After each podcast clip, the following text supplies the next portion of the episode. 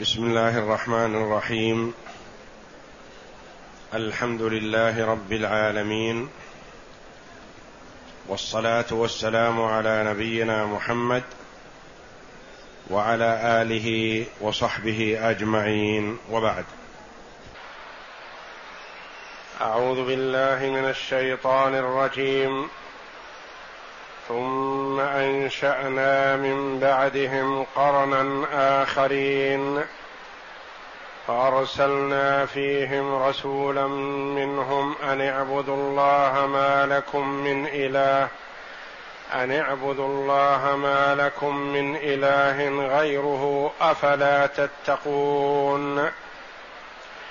وقال الملأ من قومه الذين كفروا وكذبوا بلقاء الآخرة وكذبوا بلقاء الآخرة وأترفناهم في الحياة الدنيا. ما هذا إلا بشر مثلكم يأكل مما تأكلون منه ويشرب مما تشربون. ولئن أطعتم بشرا مثلكم إنكم إذا لخاسرون. أيعدكم أنكم إذا متم وكنتم ترابا وعظاما أنكم مخرجون. هيهات هيهات لما توعدون.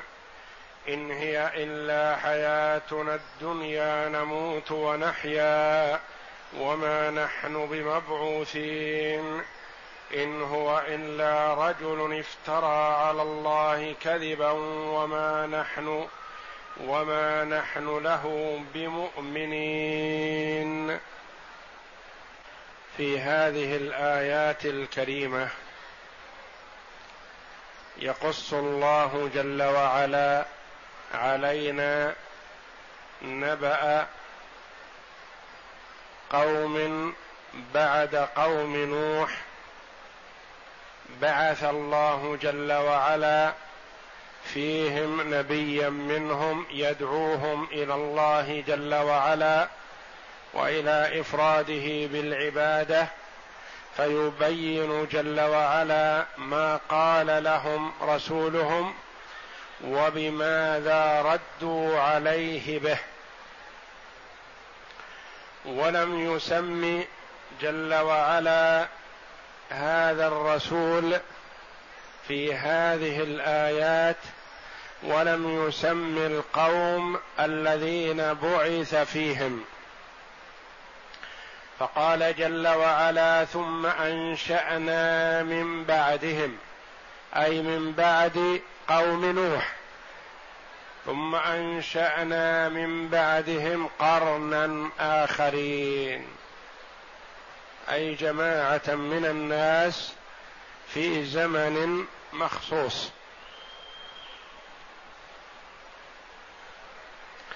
وهؤلاء من هم؟ اختلف المفسرون رحمهم الله في هؤلاء القوم والقرن. من هم؟ فقال جمع من المفسرين إن هؤلاء هم عاد وهم قوم هود عليه السلام. وممن قال بذلك حبر هذه الأمة وترجمان القرآن عبد الله بن عباس رضي الله عنهما. قال هؤلاء عاد هم قوم هود. لأن قصة هود مع قومه وردت في مواضع كثيرة من القرآن بعد نوح وقومه. لأن الله جل وعلا قال في سورة الأعراف عن هود أنه قال لقومه واذكروا إذ جعلكم خلفاء من بعد قوم نوح. وقال بعض المفسرين هم ثمود ونبيهم صالح. عليه الصلاة والسلام. وقال آخرون هم أصحاب مدين ونبيهم شعيب عليه السلام. قالوا لقوله جل وعلا في آخر الآيات فأخذتهم الصيحة بالحق فجعلناهم غثاء فبعدا للقوم الظالمين. قالوا إن قوم صالح وقوم شعيب هم الذين أهلكوا بالصيحة. وأما عاد فأهلكوا بريح صرصر عاتية كما قال الله جل وعلا في آيات أخر. قال الأولون نعم أهلكوا بريح صرصر عاتية يكون لها صوت فهلكوا بالصوت والريح. والص... و... والريح الشديدة يكون لها صوت مثل الصيحة فهلكوا بذلك. والله جل وعلا قال ثم أنشأنا من بعدهم. أي من بعد إهلاك وإغراق قوم نوح قرنا أي قوما آخرين غيرهم. فأرسلنا فيهم رسولا منهم. أرسلنا فيهم. أرسل تتعدى بإلى أرسل إليه أو أرسلنا إليهم فلم عديت بفي لحكمة. في تدل على معنى أكثر مما تدل عليه إلى. فأرسلنا فيهم رسولا منهم. فأرسلنا فيهم ولم يقل أرسلنا إليهم. لأنه إذا قال أرسلنا إليهم أي رسول كان؟ منهم ولا من غيرهم؟ جاء من قريب أو جاء من بعيد أو جاء من السماء لا يدل على مكان أو غيره. ولما قال جل وعلا فأرسلنا فيهم دل على زيادة معنى أي أنه أرسل فيهم واحدا منهم. أرسل في القوم واحد من القوم. ووضح ذلك زيادة قوله جل وعلا منهم. أي قامت عليهم الحجة أكثر. لأنه أرسل فيهم شخص يعرفونها. نشأ فيهم. وتربى بينهم وعرفوا نشأته كما بعث الله جل وعلا محمدا صلى الله عليه وسلم من بين قومه يعرفون نشأته ونسبه ومكانته ومكانة ذويه فيهم لأنه إذا عرف الرسول كان أدعى وأسرع للقبول فأرسلنا فيهم رسولا منهم. ماذا قال لهم؟ أن اعبدوا الله. وهذه دعوة الرسل من أولهم إلى آخرهم. ومن أجلها خلق الله الخلق. وما خلقت الجن والإنس إلا ليعبدون. ما أريد منهم من رزق وما أريد أن يطعمون. إن الله هو الرزاق ذو القوة المتين. ما خلق الله الخلق إلا لعبادته. أن اعبدوا الله وأن هذه يعبر عنها علماء اللغة بأنها أن المفسرة. وأن المفسرة هي التي تأتي بعد لفظ تضمن معنى القول دون حروفه.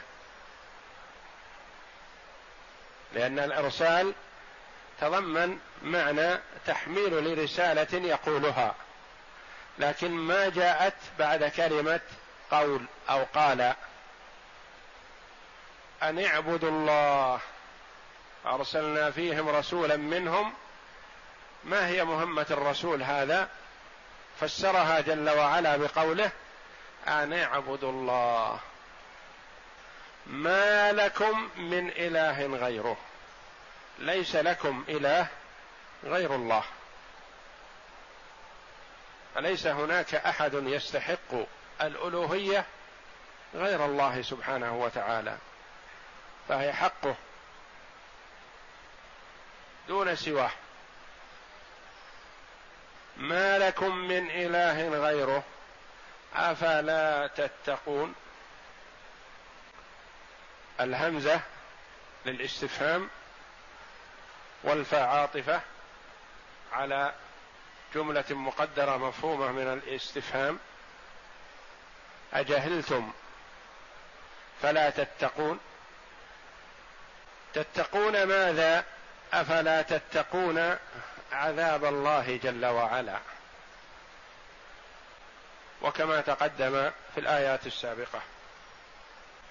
أفلا تقون أنفسكم عذاب الله بإشراككم به غيره؟ هذه دعوته. إفراد الله بالعبادة. ولم يطلب منهم عليه السلام مالا ولا سيادة ولا رياسة ولا عرضا من أعراض الدنيا وإنما طلب منهم أن يفردوا الله جل وعلا بالعبادة. دعوة واضحة ميسرة سهلة ميسر إدراكها. أن اعبدوا الله ما لكم من إله غيره.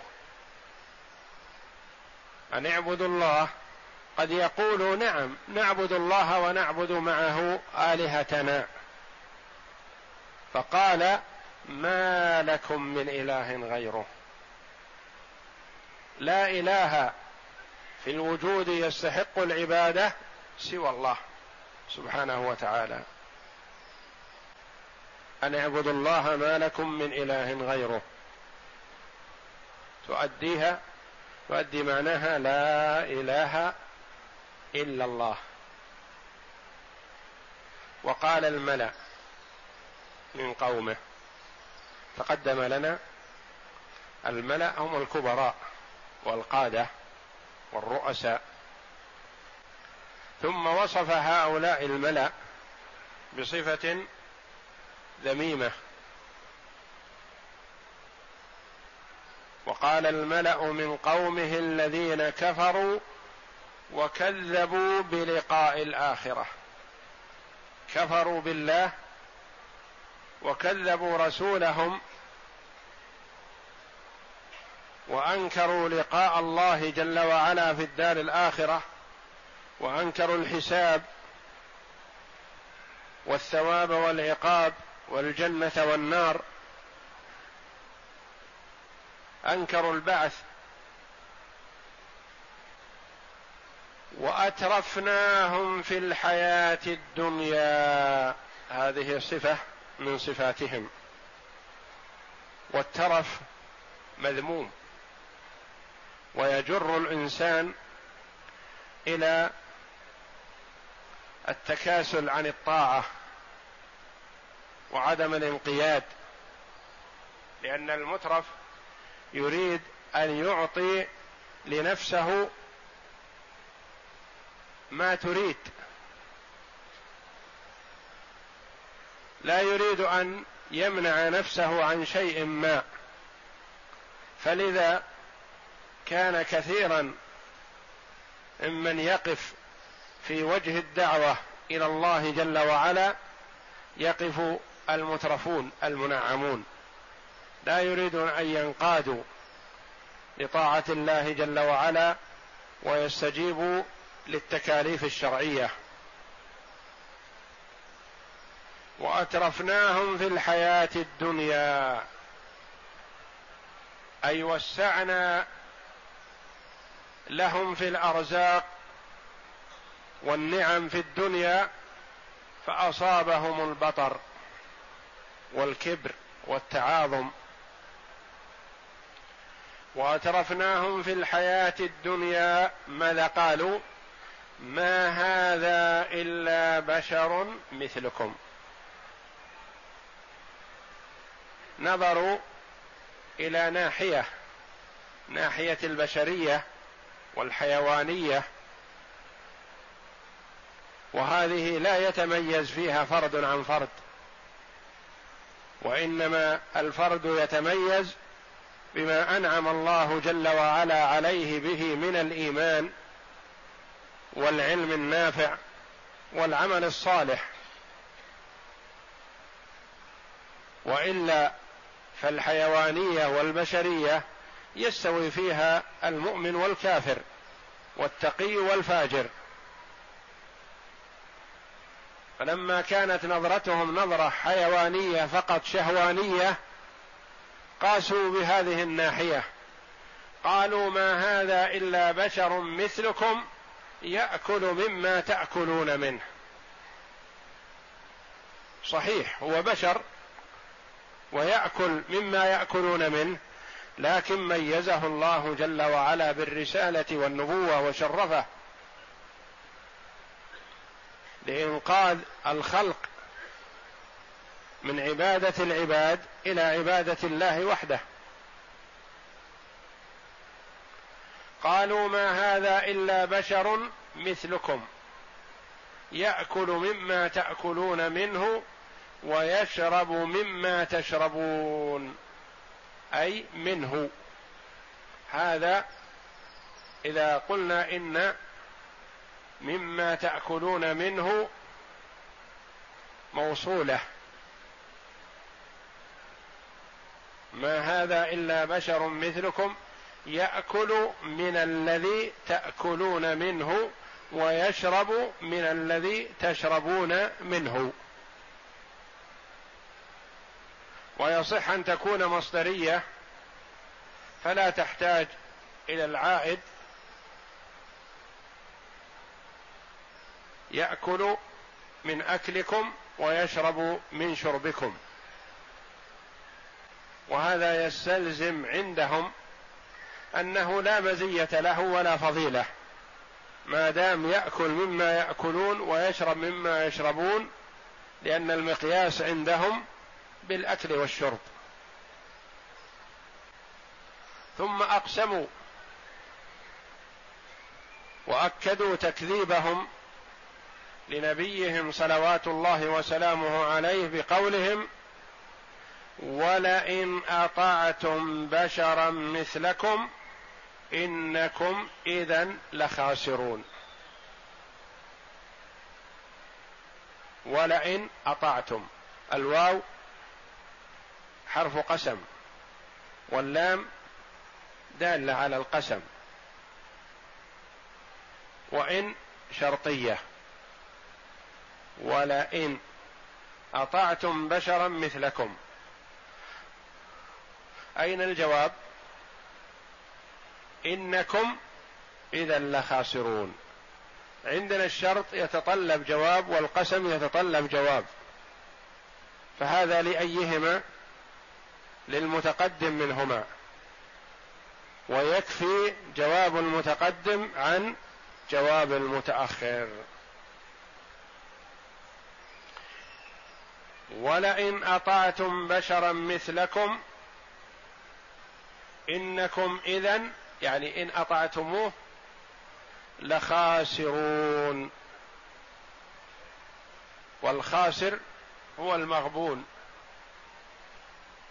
وهم ظنوا أن تركهم لآلهتهم خسرانا. واستنكروا من سخافة عقولهم استنكروا أن تكون الرسالة لبشر. وأجازوا بعقولهم السخيفة أن تكون الألوهية لشجر وحجر. استنكروا الرسالة لبشر وهذا لا يستنكر. وأجازوا أن تكون الألوهية لشجر أو حجر وهذا هو الذي يستنكر وهو الغريب وهو الذي غير لائق. أن يعبد العاقل جماد العابد أفضل من المعبود بلا شك لأن العابد اللي هو العاقل يدرك ويتصرف ويعمل وهذا شجر أو حجر أو صورة أو نحو ذلك. ثم استفهموا استفهام إنكار. قالوا ايعدكم أنكم إذا متم؟ الاستفهام هنا للإنكار واستغراب بعيد كل البعد في زعمهم. ايعدكم أنكم إذا متم أو متم؟ قراءتان. متم من مات يموت أو متم من مات يمات. كخاف يخاف.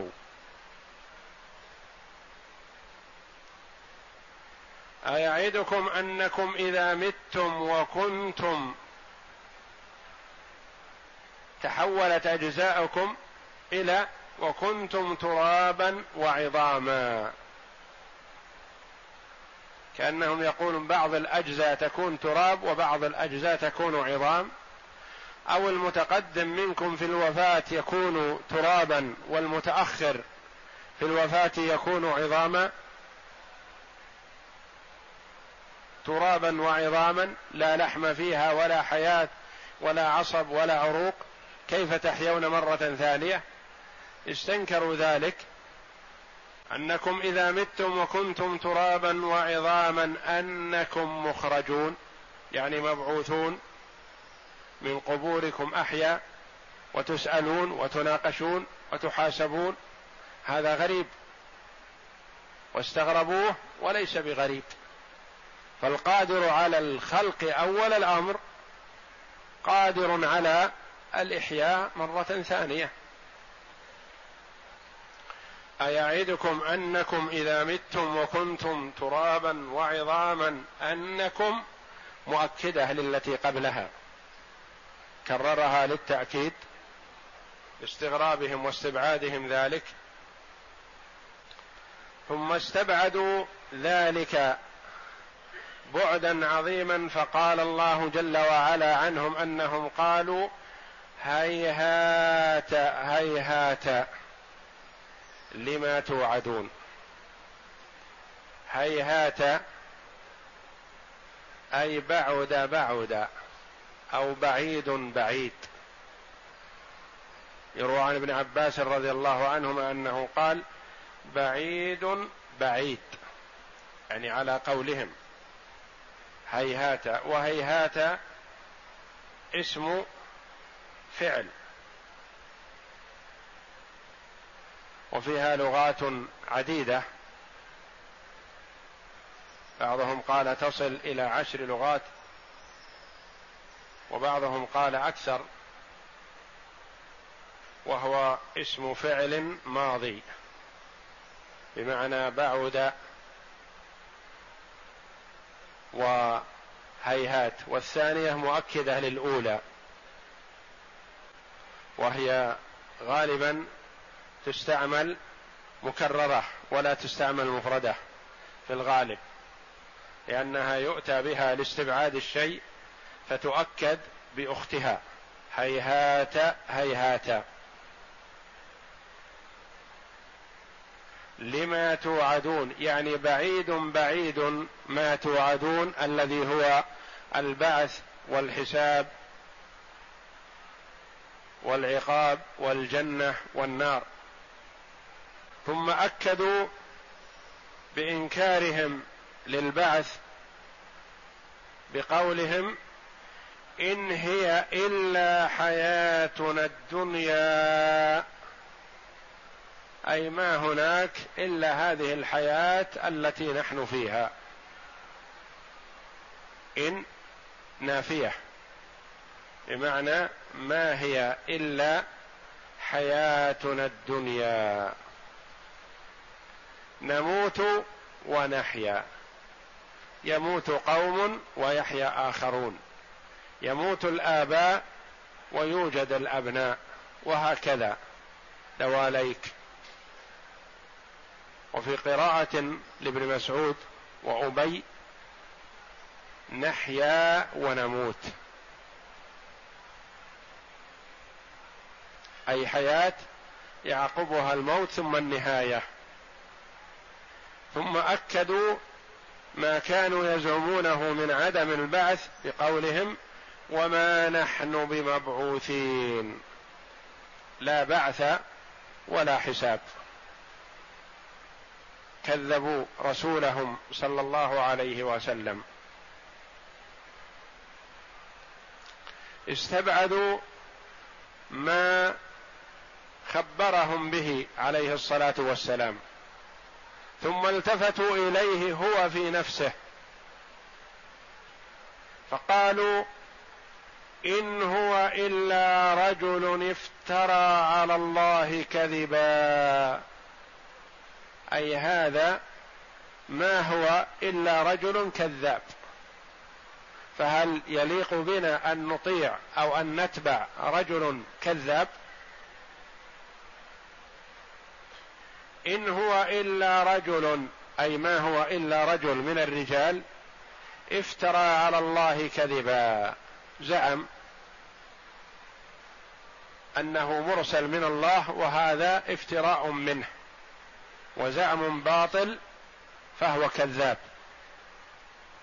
افترى على الله كذبا وما نحن له بمؤمنين. أي لسنا بمصدقين له لأنا عرفنا كذبه.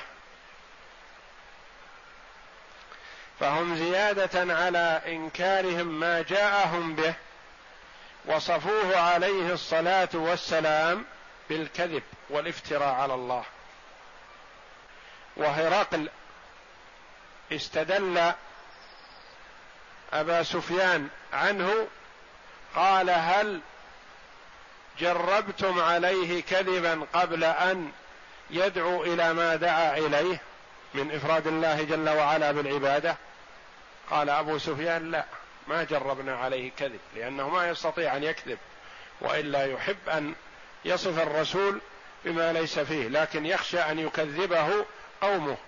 قال ما جربنا عليه كذبا وكان يوصف بالصادق الأمين. فقال ما كان ليتحاشى الكذب على الناس ويكذب على الله جل وعلا. وهؤلاء القوم زعموا أن نبيهم صلوات الله وسلامه عليه افترى على الله كذبا. وهذا من باب المغالطة وإلا فهم يعرفونه لأنه نشأ بينهم. ولو كان قدم عليهم من بعيد لقيل ما عرفوا نشأته. والله جل وعلا يصطفي الخيار وما يرسل إلا من عرف بالصدق والأمانة والثقة ليكون أدعى لقبول دعوته. إن هو إلا رجل إن هنا نافية أي ما هو إلا رجل افترى على الله كذبا. أي زعم الكذب كذبا على الله أنه مرسل. قالوا وما نحن له بمؤمنين أي بمصدقين. لسنا بمصدقين لما يدعو إليه. فتمادوا في عنادهم وأنكروا الألوهية وأنكروا النبوة وأنكروا البعث والجزاء والحساب وزعموا كذب نبيهم صلوات الله وسلامه عليه. وسيأتي بقية القصة إن شاء الله في درس غدا إن شاء الله. والله جل وعلا يقص علينا نبأ الأمم السابقة والأنبياء السابقين صلوات الله وسلامه عليهم أجمعين لأجل أن يكون في ذلك عبرة وعظة لمن وفقه الله جل وعلا فيعرف أن العاقبة للمتقين فيتقي الله جل وعلا. ومن كتب الله له الشقاوة أزلا تقوم عليه الحجة ولا يستفيد من المواعظ والعبر والذكرى لا تنفع إلا المؤمن الذي كتب الله له الهداية والتوفيق ازلا والله أعلم. وصلى الله وسلم وبارك على عبد ورسول نبينا محمد وعلى آله وصحبه أجمعين.